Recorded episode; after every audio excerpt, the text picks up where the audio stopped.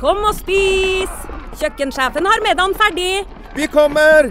Vi skal bare Åh, det er da så morsomt her på Stiklestad! Ja, men sjøl en god viking må ha både mat og hvile. Og dessuten kan dere nå være noen dager. Velkommen til Scandic Stiklestad. Moderne fasiliteter i historiske omgivelser. Det var her det skjedde. Det er her det skjer.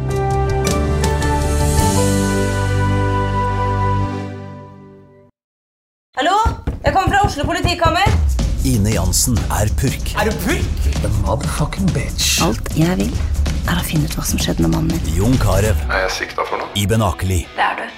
Ole So, Lars Berrum og Big Daddy Karsten. Hvem sin side er du på, egentlig? Anette Hoff, Tone Danielsen, Kommer du fra Afrika?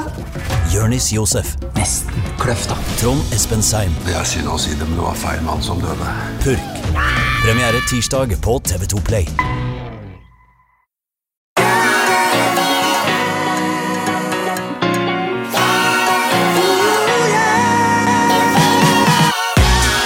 Velkommen til podkasten Jernsterk. Eh, Ole Petter Gjelle, nå har vi flytta oss til eh, ditt eh, kontor på Åsgårdstrand. Her er det veldig idyllisk. Jeg har bare sykla gjennom her, så det var litt hyggelig å kunne være her og se stranda og disse gamle bygningene. og det. Jeg skjønner at du koser deg her. Og sommeren er jo akkurat over. Har du hatt en bra sommer?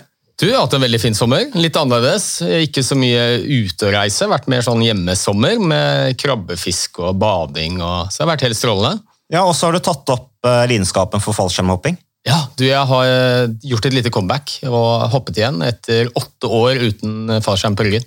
Så det var veldig gøy. Hvordan var det? Altså, Var du like dreven når du kasta deg ut av flyet? Jeg var jo veldig nervøs før jeg, skulle, altså før jeg kom på hoppfeltet. tenkte jeg at Så skulle jeg jo hoppe med en del folk som var gode. Vi skulle hoppe noe som heter formasjonshopping, og da er vi jo avhengig av at alle presterer. Og jeg tenkte jo, her kommer jo jeg virkelig, jeg har sikkert glemt dette her, men med en gang jeg fikk på meg riggen, fallskjermutstyret, satt meg i flyet, så var det bare som om Ja, men dette har jeg gjort før. Tusenvis av ganger før. Hoppa ut, og så tenkte jeg ikke noe over det, men det var, det var litt som å sykle, tror jeg. Det, har du lært det en gang, så sitter det. Gammel lærdom, det sitter i ryggraden. Ja, Men det jeg hadde glemt, det var jo hvordan jeg skulle pakke skjermen min. Det hadde jeg glemt. Så da måtte jeg få noen til å gjøre det for meg. Ja, så er det litt nytt utstyr og sånn, kanskje, som er oppgradert siden jeg vet ikke. Ja, eneste er at jeg har blitt litt eldre, så jeg har litt større skjerm. Så for å minske risikoen for å skade meg i landing og sånt. Men eh, litt sånn gammelmannsskjerm. Men ellers er det, har det ikke skjedd så veldig mye. Ja, Og du har trent i sommer da? Jeg har trent litt, stort sett hver dag. Beste økten er den du får gjort. Så ikke noe voldsomme greier, men prøver å komme meg ut hver dag. Ja, dere, du og min far erta meg jo litt på forrige podkasten fordi jeg hadde trent to økter. Ja, Du hadde jo et voldsomt regime der gående. Ja. Eh, Morgenøkt og kveldsøkt. og... Ja, på toppen av masse jobbing, Ja. men det var mest sånn eksperiment for å kjenne hvordan det fungerer på meg sjøl. Ja. Når jeg har gjort det. Men tilbake til eh, dette her at du har trent og sånne ting i sommer. Eh, Den som også har begynt å trene, det er Boris Johnson. Statsministeren i Storbritannia. Ja, han har det. Fordi han ble jo veldig syk, Boris Johnson. Han fikk covid-19. Eh, han var ganske treg med å sette i gang tiltak i Storbritannia. Var ganske sånn avslappa i forhold til hele greiene. Eh, og så har det jo vært mye sykdom i Storbritannia. Og godeste Boris Johnson, han, når han var borgermester i London, så sykla han til og fra jobb hver dag. Og han har jo vært en bidragsyter til å utvikle sykkelnettet rundt i London. Han har vært en forkjemper for sykling i Storbritannia. Men så har han tydeligvis ikke tatt så godt vare på seg selv. Eh, Så fikk han covid-19 og ble veldig syk. Og så våknet han opp da med liksom, var litt sånn nyfrelst, at liksom, nå må jeg komme i formen. Eh, Og I tillegg så er han da sitt ansvarsbevisst, litt ref den forrige podkasten vi snakka med politikere, og sier at dette må vi ta tak i, fordi at det viser seg at det er en sammenheng mellom fysisk form, eh, livsstilssykdommer og hvor hardt rammet du blir av covid-19, eller koronavirus, for det kommer jo flere koronavirus i fremtiden som vil ha en annen betegnelse enn covid-19. Eh, Så eh, jeg bare ser her at eh, helseministeren hans, Matt Hancock, oppfordrer overvektige om å gå ned 2,5 kilo. Og det er jo ganske mange av de, fordi 60% av den voksne befolkningen i Storbritannia regnes som overvektige. Og til sammenligning av WHO, altså Verdens helseorganisasjon, mener at det er 650 millioner mennesker med BMI over 30.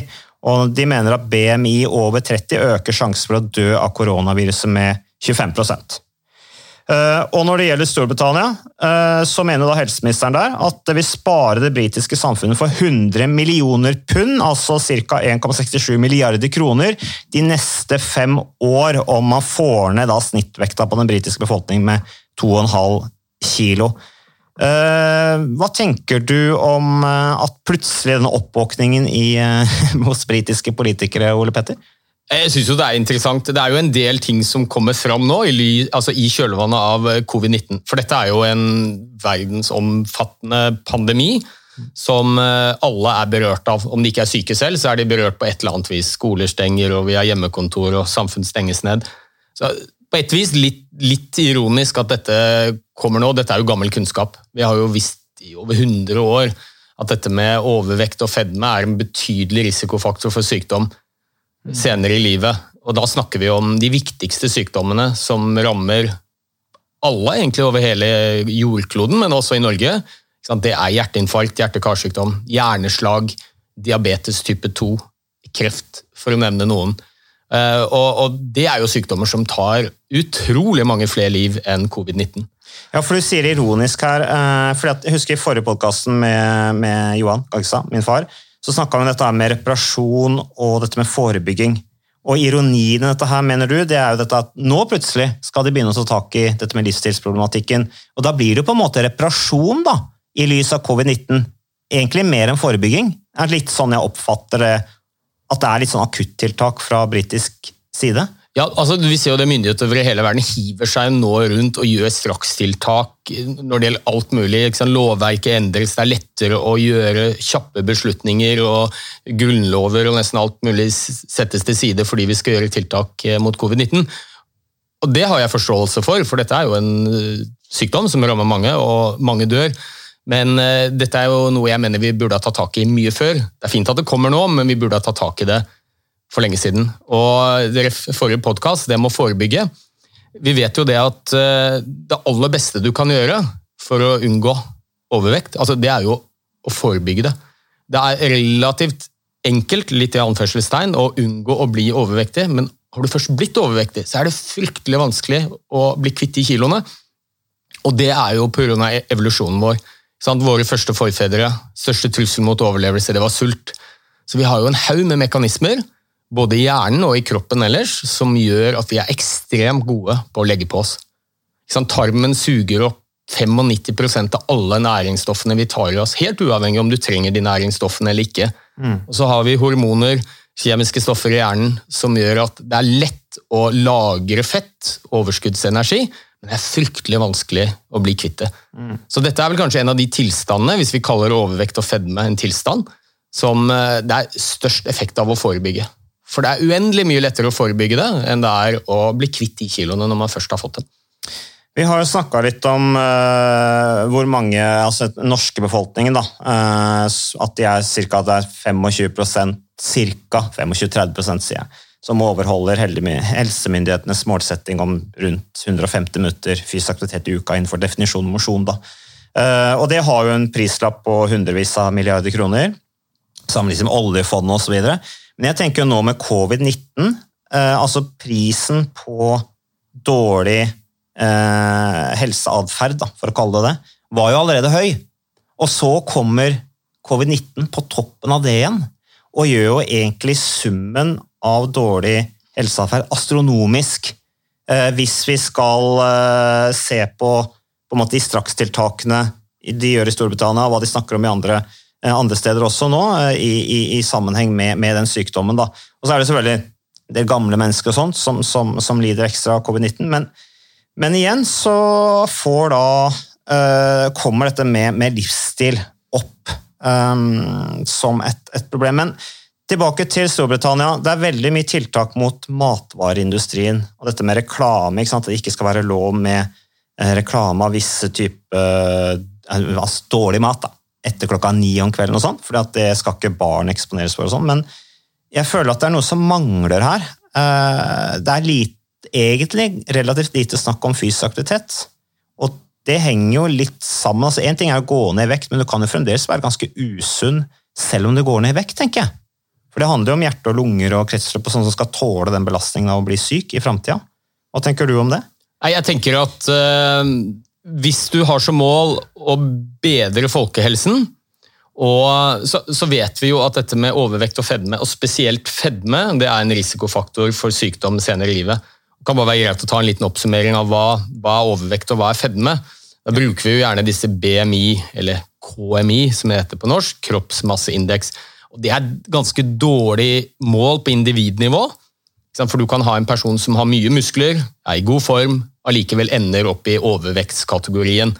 Og så kan du ha noen som er ganske slanke, men inaktive og allikevel har relativt høy fettprosent, men som havner i normalvektig.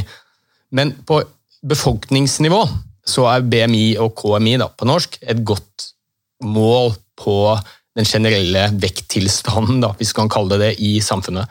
Og Da sier vi at hvis du har en BMI som er eh, under 25, så er du normalvektig. Altså mellom 18 jeg husker ikke helt kommatallene der, men og 25 så er du normalvektig. Mellom 25 og 30 så er du overvektig. Og bikker du 30, så har du fedme. Og I Norge i dag så vet vi at altså Tallene varierer litt, men det er mellom noen og 50 og noen og 60% kanskje så mye som 70% som har enten overvekt eller fedme. Og 20% av befolkningen, 20-25% har en BMI over 30, så de er i fedmekategorien. Du sa du 70 av den norske befolkningen Ja. har fedme? Nei, overvekt eller fedme. Overvekt eller fedme? Ja. Mm. Og, og det, er jo, det vil si at gjennomsnittsnordmann er overvektig. Ja, det er normalt. Ja, Det er det som er blitt normalt, og man har jo til og med gått så langt, myndighetene, med å, å komme med forslag, iallfall innspill, på at kanskje denne skalaen skal endres litt. Sånn at eh, du må høyere opp før du skal kalle deg overvektig. Er ikke det litt rart, da? For jeg regner med at en eller annen politiker eller eller annen, et eller annet system på toppen blir målt på tilstanden til befolkningen i forhold til målsettinger. Eh, Og så har du da dette med BMI, da, hvis du tar det som et eksempel. En skala, og det er, det om å gjøre at færrest mulig når den eh, BMI-skalaen 30, eller hva du sa, var det 30-35? Men så viser det seg umulig å gjøre noe med det, og så bare flytter man den oppover. Så toleransen for da å egentlig være overvektig, den øker jo bare. Men det samme har vi jo sett med fysisk aktivitet. Det var jo egentlig 30 minutter Ja. med daglig fysisk aktivitet som var målet. Men så har de på en måte flytta den skalaen ned. For er, det, er ikke det litt rart, da? Jo, jeg mener jo det er fallitterklæring? jo angripe problemet i gal ende. Eh, Og jeg pleier litt humoristisk å si at Det er litt som på en arbeidsplass jeg har jobbet, hvor ledelsen hadde en eh, spørreundersøkelse blant alle ansatte, som skulle uttale seg litt om hva de syns om ledelsen. Og, og Ledelsen ble jo slakta, og denne rapporten ble jo da behandlet i et styremøte hvor hele ledelsen var, hvor administrerende direktør eh, måtte svare på noen spørsmål. da, Hva gjør vi med dette? Og Da sa jo han at nei, her er det jo bare én ting å gjøre, og åpenbart, vi må slutte å evaluere. Så, så, så jeg tenker jo at istedenfor å endre skalaen, så må vi ta tak i de tingene som ligger til grunn for at mange blir overvektige og får fedme. Og, og jeg har jo mye mer tro på å ha fokus på de grunnleggende årsakene til at vekten går opp, istedenfor å fokusere på vekten i seg selv. Eh, Og det er jo fordi at eh, dette med vekt det er veldig sensitivt for veldig mange, veldig stigmatiserende. Og jeg merker jo det i min praksis gjennom 20 år, å begynne å ta opp vekt med pasienter, det er fryktelig vanskelig. Da kommer piggene litt ut. Og det tror jeg nok eh, mange tenker at hvis du er overvektig, så er det fordi du kanskje har dårlig viljestyrke og ikke bare klarer å ta de grepene du vet du kanskje bør i hverdagen og spise sunt og sånn, men det er, det er mye mer komplekst enn som så. Det er hormonelle ting, eh, det har med oppvekst, det har med generell helsetilstand å gjøre. Vi vet at pasienter som har vokst opp under dysfunksjonelle forhold, kanskje sliter med mentale lidelser, andre sykdommer, har mye mer risiko for å få overvekt. Så, så jeg har mye mer tro på at vi tar tak i de tingene som gjør at vekten stiger, og det er jo mye som skjer på samfunnsnivå. Og så er det en del individrettede tiltak. ikke sant? Fysisk aktivitet, selvfølgelig kosthold. Søvn, ikke minst, som vi skal snakke om i en annen podkast. Ja, det må komme. Men eh, tilbake til, uh, til den her uh, covid-19. Altså vi, Jeg syns jo at det Ref det du sier der, eh, dette med vekt, kroppsvekt, og jeg så akkurat i avisa nå om at eh, leger ble oppfordra til å snakke med pasientene sine om vekt. og at en del pasienter faktisk hadde lyst til å snakke om vekt. Mm. De var åpne fordi at de oppfattet det selv som et problem, Ja. men fordi at det er så sensitivt, så var, er mange leger redde for å ta det opp. Så det er på en måte elefanten i rommet. Ja. det beskrevet. Jeg tror det var Aftenposten for noen dager siden som skrev en sånn undersøkelse de hadde gjort. Da. Eh, og jeg tenker at den, de artiklene som kommer nå fra Storbritannia den siste uken, ref. covid-19, eh, og tiltak der for å gjøre folk mindre, eller lettere, da. Eh, at det er noe som mangler der, og at det går rett på dette med vekt. Veldig fokus på vekt og mat. Men du altså, jeg, har jo alltid, har jo alltid hatt en holdning at du kan jo være litt stor og fremdeles sunn. Og det sa jo du også nå tidligere i denne podkasten, at du kan jo være veldig tynn og veldig usunn.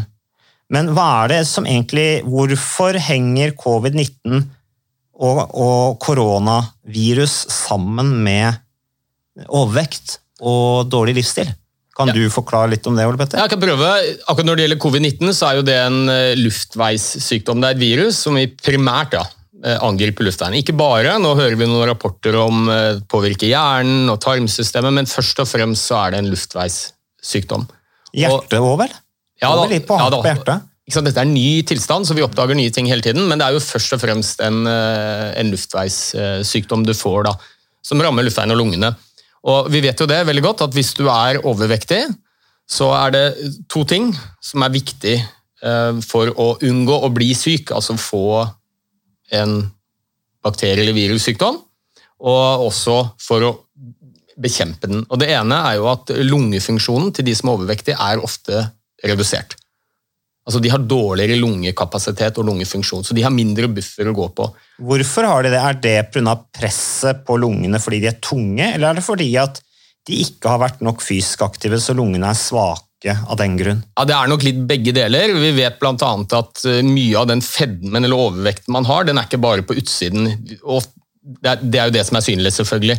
Men på innsiden også så er det mye det vi kaller intraabdominalt fett. altså mye Ukas annonsør det er HelloFresh. Og eh, hvis du nå går inn på hellofresh.no og bruker koden 'fresh hjerne', så kan du få opptil 1779 kroner rabatt på da de fem første matkassene dine hvis du ikke har prøvd Hello Fresh enda.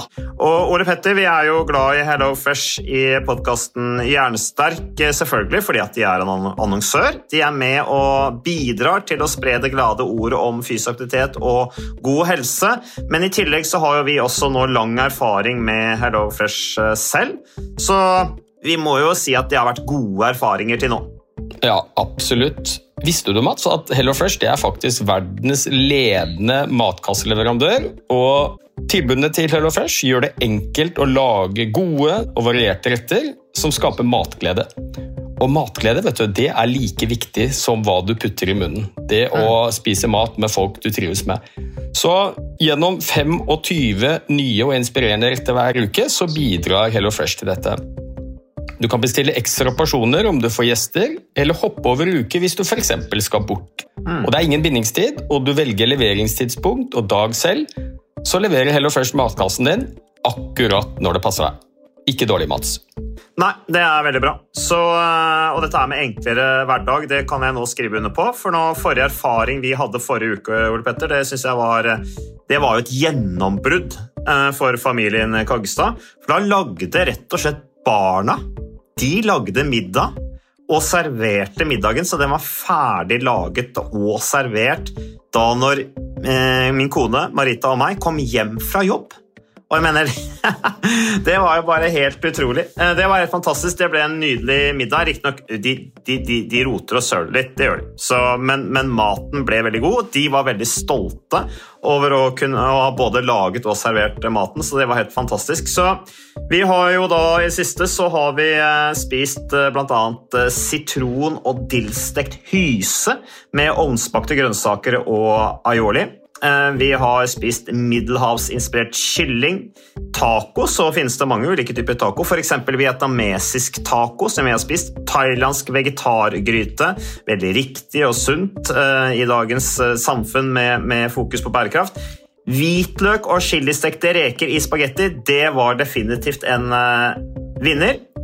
Så uh, det er så flott. Du får rimelig mat ved at du kun betaler for det du trenger, så det blir ordentlig feststemning med Hello Fresh.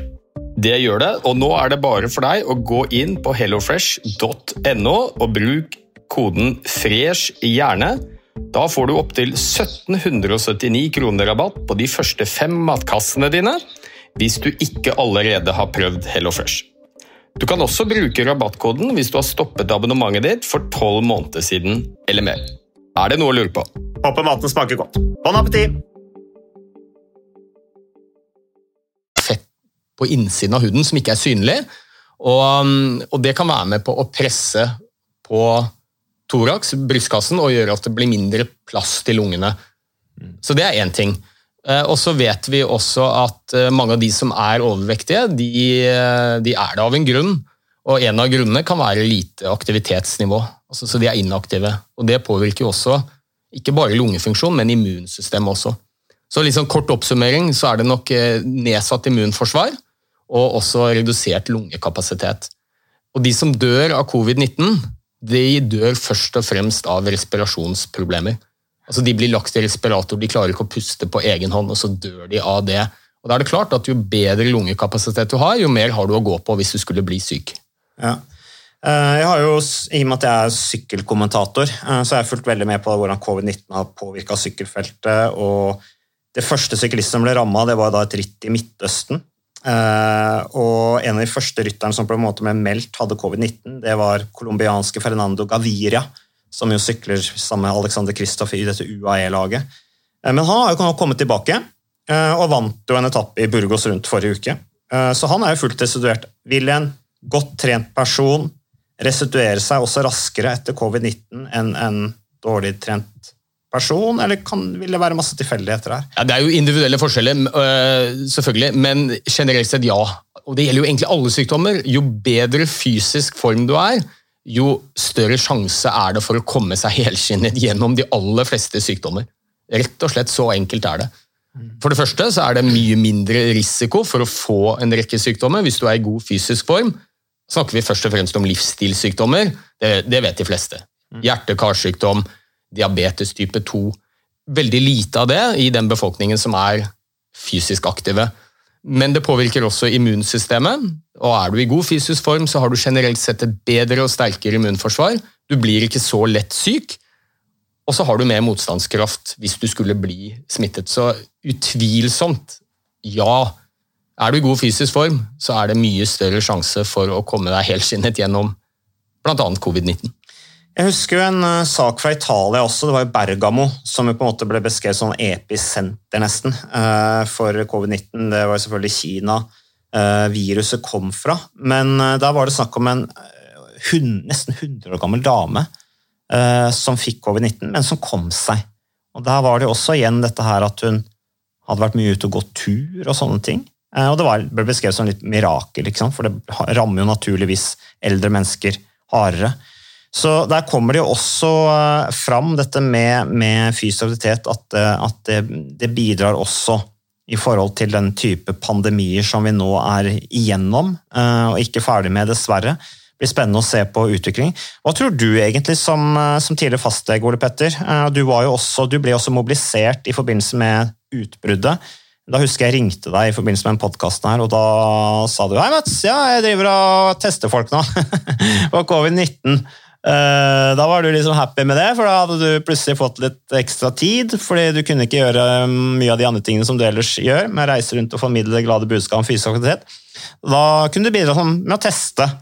Eh, men eh, hva skal jeg si at, ja, hva tror du om, om utviklinga videre nå det, i forhold til covid-19? Har vi kontroll på det her i Norge? Har vi jo grei kontroll? Ja, I Norge så er vi jo, jeg skal ikke si det en heldig situasjon, for vi har jo gjort en rekke grep som har vært viktige, tror jeg. Altså, Regnskapet gjøres jo ikke opp ennå, vi vet jo ikke helt, ikke for dette er en pandemi som fortsatt foregår. Men jeg syns vi har vært veldig flinke i Norge. Politikerne har vært handlekraftige, tatt en del valg som har vært litt kontroversielle, stenge ned store deler av samfunnet. Men det er vanskelig å tenke seg at ikke det er en viktig årsak til at vi i dag har 250 døde Og, og det er få som ligger på sykehus i dag, og vi har det godt under kontroll. Og så begynner ting å åpne litt opp, da, og da er det jo interessant å se. Men eh, hvis jeg skal spå inn i glasskulen, så, så, tror jeg vi kommer til å takle det veldig godt her i Norge. Mm. Men vi ser jo det er jo vanvittig store forskjeller rundt om i verden. Mm. Jeg har jo et litt sånn eh, kjærlighetsforhold til USA, har vært der borte mye, har et hus der borte. og Skulle egentlig vært i Florida i sommer, men av åpenbare grunner så ble jo ikke det noe av. Og Der ser vi jo en helt annen situasjon. Mm. Hvor det er bare i Florida alene 10 000 nye tilfeller av covid-19 på én dag. Og hvor myndighetene med godeste Donald i spissen har eh, slept føttene etter seg og virkelig ikke vært handlekraftige. Så um, Nei, jeg, det, det, blir veldig spennende å se. Jeg, jeg tror vi klarer oss godt her hjemme. Men eh, jeg husker jo, eh, jeg var inne på det med starten av covid-19 når du drev og testa, og vi har snakka om dette med hvor viktig det er å være relativt sett fysisk sterk. Da. At det bidrar. Eh, hvis man blir skikkelig syk, uansett hvilken sykdom du får, så får du bedre immunforsvar. Du, du blir mer robust da, ved å også ha en viss fysisk form. Den relative formen. At den, den er bra, det er bra for hver enkelt person. Men det er jo litt ironisk. Det er heldigvis Jeg husker jo når dette utbruddet kom, da var det selvfølgelig masse angst, uvisshet, eh, mye misforståelser. Da husker jeg det var denne joggeskammen. blir ikke den blir ikke den helt sånn ironisk at vi snakka om det at ikke folk burde ut og jogge og ut og drive fysisk aktivitet nå i lys av hva vi ser bl.a. av tiltak som settes i gang i Storbritannia, hvor de skal sette i gang ikke bare dette med tiltak retta mot uh, å eksponere folk mot reklame for dårlig mat, ting, men de skal også sette i gang livsstilsprogrammer da, satt i system for å hjelpe folk å komme i bedre fysisk form osv. Det blir jo Det der med joggeskam og sånn, det blir vel litt sånn teit å snakke om nå. Ja, jeg har jo sagt det hele tiden. Jeg har blitt spurt mye av det av mediene midt under pandemien. Hva skal vi gjøre for noe? Jeg har jo hele tiden sagt at jeg tror noe av det aller beste vi kan gjøre, det er å komme oss ut og bevege oss og være i fysisk aktivitet.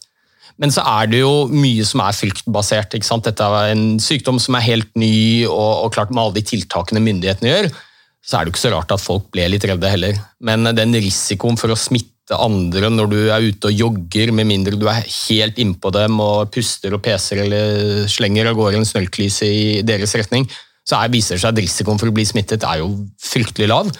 Og du styrker immunsystemet ditt, takler sannsynligvis usikkerheten og angstmomentene rundt det å havne i en situasjon hvor man kanskje kan miste jobben og ting er usikkert, mye bedre når man er ute og trener. Så jeg Ja. Jeg var ikke noe særlig tilstander av den joggeshamingen, for å si det mildt. Eh, og det er jo ironisk, midt mens dette foregikk, at folk ble hissige på andre som var ute og jogget forbi dem, så går jo folk som sild i tønne i butikken og handler. og Nei, så jeg står fast ved det, at jeg tror det er noe av det aller mest positive vi har gjort og kan gjøre. Når ting er vanskelig, det er å komme seg ut og bevege seg. Definitivt. Eh, man snakker om beredskap, eh, og tilbake til dette med, med forebygging på samfunnsnivå. Da. Eh, høyt samfunnsnivå. Man snakker om beredskapsplaner, og det var jo også veldig sånn i forhold til covid-19 at ja, beredskapen var for dårlig, det var ikke nok medisiner og sånne ting. Vi snakker ikke så mye om det akkurat nå, heldigvis, fordi at vi, vi har klart oss bra i Norge. Eh, men dette er å bygge opp gode beredskapsplaner med tanke på fremtidige utfordringer, f.eks. med en pandemi. Da. Jeg regner med at liksom, eh, nå politikerne må jo da være sitt ansvarsbevisst og tenke langsiktig og bygge opp beredskapen til neste gang det kommer en pandemi. For en gang kommer det jo en ny pandemi, og det kan komme sultkatastrofer og kriger. og det hele tatt, at Beredskapen er, er på plass. Men bør ikke en del av den beredskapen da være at ja, en del av den er jo også å bygge opp et mer robust en mer eh, robust eh, folkehelse. Fordi prisen i dag er veldig høy, eh, og det vil også kanskje gjøre at krisen blir mindre akutt i fremtiden. Bør ikke da fysisk aktivitet være en del av Det er et dårlig spørsmål til deg, det er det mest ledende spørsmålet jeg har fått i dag. Men jeg bare tenker at igjen, da, så bør jo dette med Jeg blir veldig skuffa hvis jeg ser beredskapsplaner når, her, når dette her skal evalueres i framtiden, hvordan vi har håndtert covid-19, og hvordan vi skal håndtere dette neste gang det skjer. Eh, hvis ikke fysisk aktivitet er en del av den planen, da blir jeg veldig skuffa. Det tror jeg du blir også, Ole Petter. Ja, Det er et veldig godt poeng. Fordi Når vi snakker om beredskapsplan, og du sier det til myndighetene, så tenker de ok, vi må ha nok sengeplasser, nok helsepersonell, Vi må ha nok respiratorer, munnbind, latekshansker osv. Bare ta det aller først, da, så er jo det også litt ironisk. For denne pandemien det virket jo som den kom som julekvelden på kjerringa. Men hvis du hadde fulgt med og var helsepolitiker, eller politiker generelt, så burde man visst at Verdens helseorganisasjon har jo meldt dette i mange år som en trussel, og ikke bare en eh, virus- eller bakteriesykdompandemi, men rett og slett en sånn SARS-type covid-viruspandemi. At den kommer. Så dette burde myndighetene ha visst om. Ja, For den kommer jo innimellom den. Vi har jo allerede hatt SARS. Så denne pandemien var varslet. Men det har ikke myndighetene i Norge eller veldig mange andre land tatt hensyn til. Og det er jo litt ironisk at den, de myndighetene vi har i dag, altså de som sitter ved makten i dag, har jo nærmest systematisk bygget ned mye av kapasiteten på sykehusene. Nå skal sykehusene være new public management, store enheter som skal tjene penger. og Det er blitt en mer sånn corporate uh, stil på, på helsevesenet. Jeg sa vel det i en forrige podkast at nå har vi snart flere økonomer ansatt ved, ved disse helseforetakene enn vi har i fall lønnsmessig totalt, da, enn vi har sykepleiere og leger. Mm. Så, så, det er jo litt sånn stikk til myndighetene at eh, til neste gang sørg for å heller bygge opp kapasiteten enn å bygge den ned. Eh, og så er det det andre du sier, og jeg tror det er vel så viktig, å ha en befolkning som er robust og i stand til å takle takle en eventuell ny pandemi, som jo helt sikkert kommer, jo bedre fysisk form du er, jo større sannsynlighet er det for at vi unngår mange dødsfall og mange syke.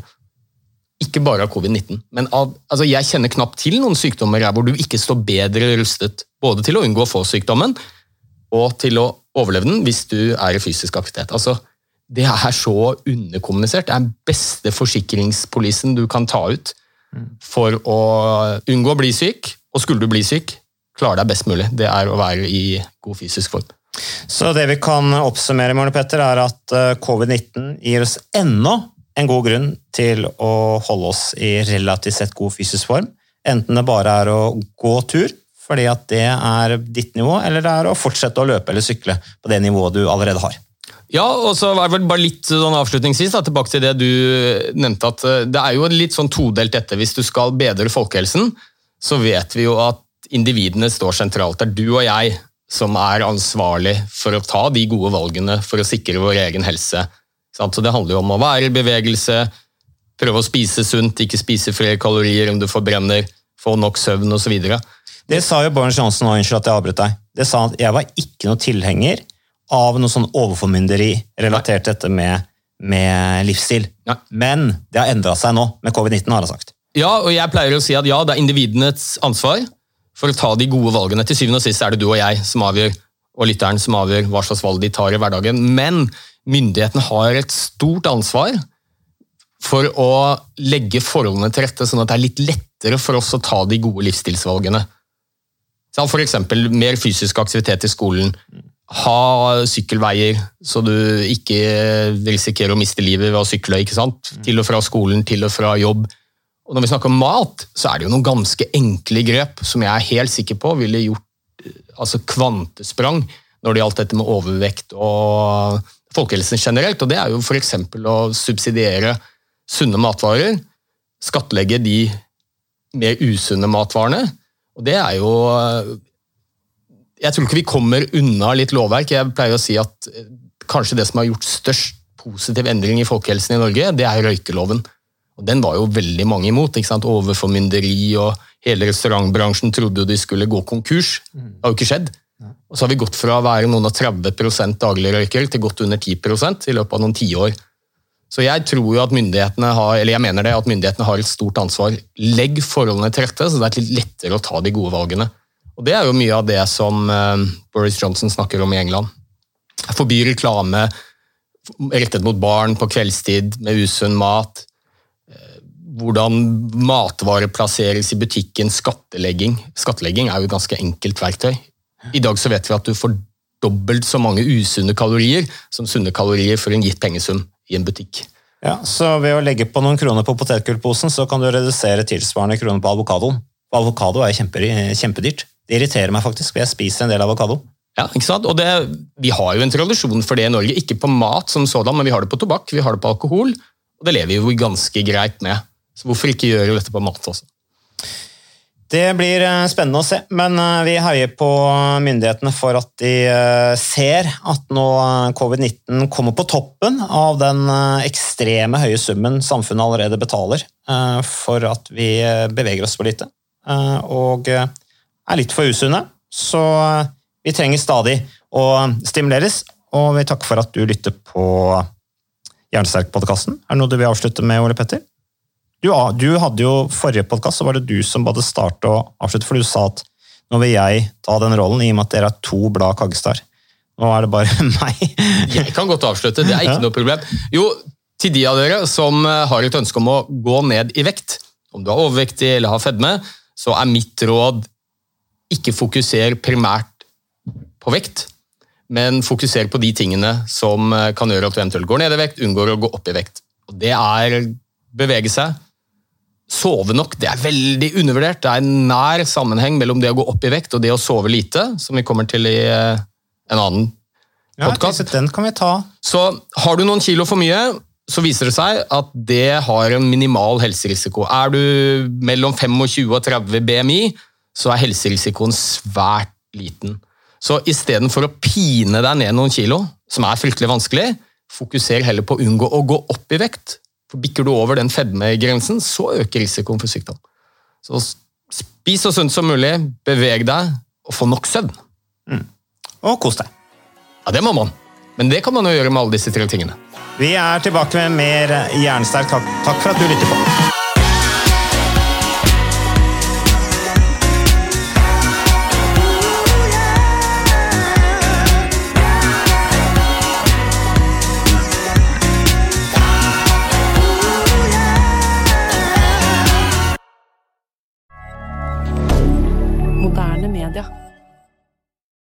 Har du et enkeltpersonforetak eller en liten bedrift? Da er du sikkert lei av å høre meg snakke om hvor enkelt det er med kvitteringer og bilag i fiken, så vi eh, gir oss her, vi.